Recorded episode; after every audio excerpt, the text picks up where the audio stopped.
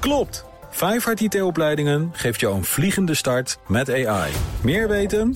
Ga naar vijfhart.nl. Tech Update. Stijn Roosend, goedemorgen Stijn. Cryptobeurs Coinbase heeft zijn verlies weten te beperken... na alle chaos vorig jaar. Ja, het Amerikaanse handelsplatform voor cryptomunten... die kwam te eind vorig jaar met flink dalende inkomsten. Dat kwam onder andere doordat de waarde van de munten fors daalde. En natuurlijk omdat cryptobeurs eh, FTX failliet ging.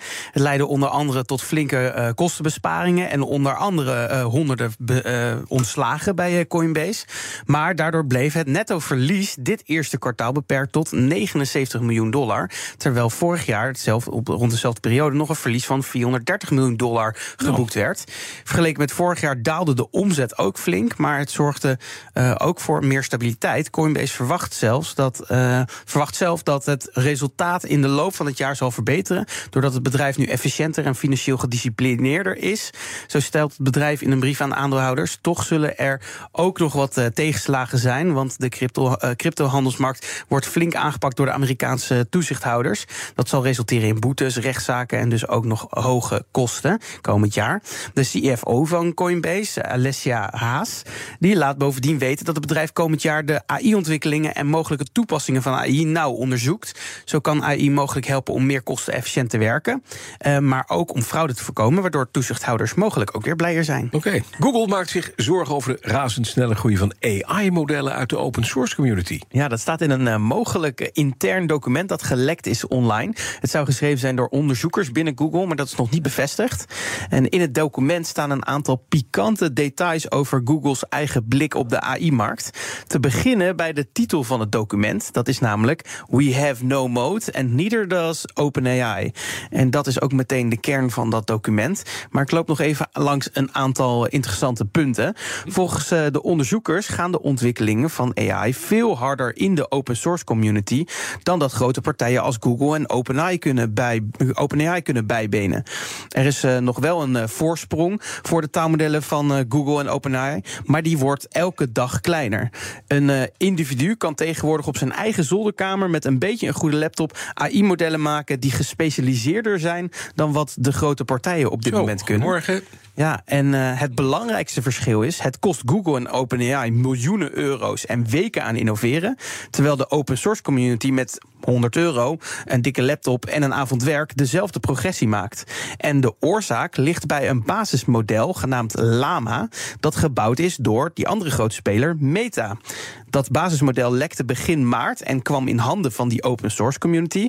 En dat AI-model is zo gebouwd dat er geen zware servers nodig zijn.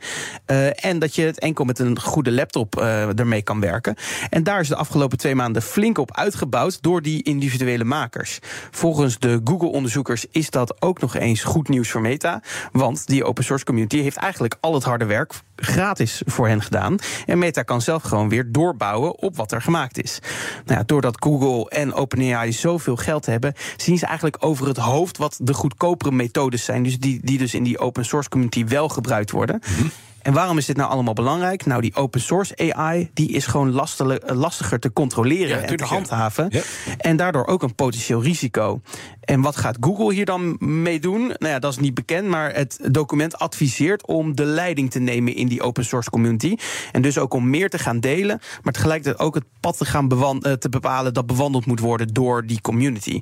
Uh, we zullen merken of dat ook gaat gebeuren. Uiteindelijk is het nog steeds onduidelijk of dat document echt van Google uh, komt. Maar boeiend mm, is het zeker. Zeker.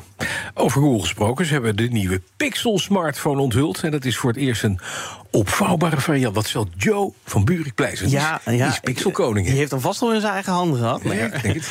eigenlijk uh, ja, is dat wel vijf dagen te vroeg dat Google met die smartphone komt. Want de verwachting was dat hij op 10 mei tijdens Google I.O. onthuld zou worden. De Google I.O. dat is die, uh, dat event uh, voor de developers van Google. En daar zou, werd verwacht dat de, de vouwtelefoon aangekondigd zou worden. Maar het bedrijf ging op 4 mei gisteren vast los met een teaser van de vouwbare smartphone. Mhm. namelijk met een korte video waarin het product te zien is. We weten verder dus nog niet zo heel veel van het model. Behalve dat het waarschijnlijk de Pixel Fold zal gaan heten. wat een aparte naam. Wel, ja, hoe komen ze erop? Nou, knap hè? En, eh, eh, en hoe die er dus uitziet, want dat zagen we in de video. En het is een beetje vergelijkbaar met wat we kennen van de Samsung Galaxy Fold modellen. Eh, binnenin een groot uitvouwbaar scherm en aan de buitenkant nog een normaal scherm. Ehm, en dan is het dus de vraag, wordt hij dan heel dik of is het dan nog een vrij dun, dunne telefoon? En de verwachting is dat de prijs ook vergelijkbaar met, gaat zijn met de Samsung modellen. Eh, namelijk in ieder geval meer dan 1700 dollar. Dus, Hallo. kaching, ja. Zo, ander verhaal. Je hebt niet langer een wachtwoord nodig om in te loggen bij Google. Ja, dat is leuk, hè? Ja, want Ja. er is een veel veiligere manier, namelijk passkeys zijn dat. Daar wordt al een tijdje aan gewerkt door een groot aantal techbedrijven... zoals Apple, Microsoft en dus ook Google... binnen de FIDO-alliantie. Eh, en sinds, sinds deze week is er voor Google-accounts is dat al uitgerold. Passkeys zijn veiliger en gemakkelijker dan wachtwoorden. Het mooie is namelijk dat er geen wachtwoord eh, is dat gestolen kan worden. Het enige wat je nodig hebt is een lokale ontgrendering van je smartphone... met een pincode of dus met een biometrische scan van je vinger of van je gezicht... En de reden dat dit kan is door een zogenaamde cryptografische eh privésleutel. Ja, het die lokaal op je apparaat is opgeslagen. En elke keer dat je dan inlogt bij Google, vraagt hij naar die unieke sleutel op je apparaat. En die geef je dan gewoon akkoord met de vinger- eh, of gezichtscan of de code die je al op je apparaat hebt. dat is die passkey. Daarmee kom je binnen. Ja. Die wisselt steeds. Jouw kop wisselt niet. Dat is natuurlijk de grap. Ja, dat zit aan elkaar Ja, gekoppeld. nou, en die heb je gewoon, dus die raak je ook Nee, niet kwijt. Nee, die kan ook niet gejat worden door fishers. Dus Nee. eh, dat is heel fijn. Ja, en verwacht wordt ook dat Microsoft en Apple daar binnenkort eh, mee zullen komen. Dus dat eh, maakt het leven een stuk makkelijker. Hmm. Ja, en dat is, een- dat is helemaal makkelijk. Want dan hoef je dus eigenlijk niks meer te kunnen. Behalve je hoofd voor die camera te houden. Ja, nou, het is nog wel de vraag hoe het verder eh, nog, nog werkt met natuurlijk. hoe werkt het dan op apparaten die niet van Apple en Google zijn en al dat soort zaken. Maar daar zullen we in de loop van de tijd achter komen. En die wachtwoorden die blijven de komende tijd ook nog wel even bestaan hoor. Dus als je daar niet van af wil, dan kan je die gewoon blijven gebruiken. Dan ook de zakelijke chatdienst Slack van Salesforce.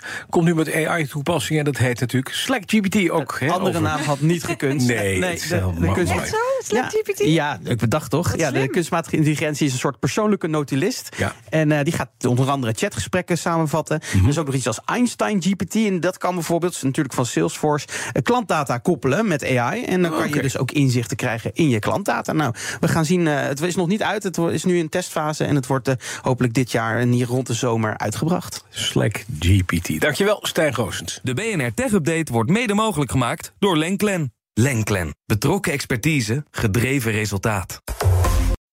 Klopt. Vijfhart IT-opleidingen geeft jou een vliegende start met ChatGPT. Meer weten? Ga naar vijfhart.nl.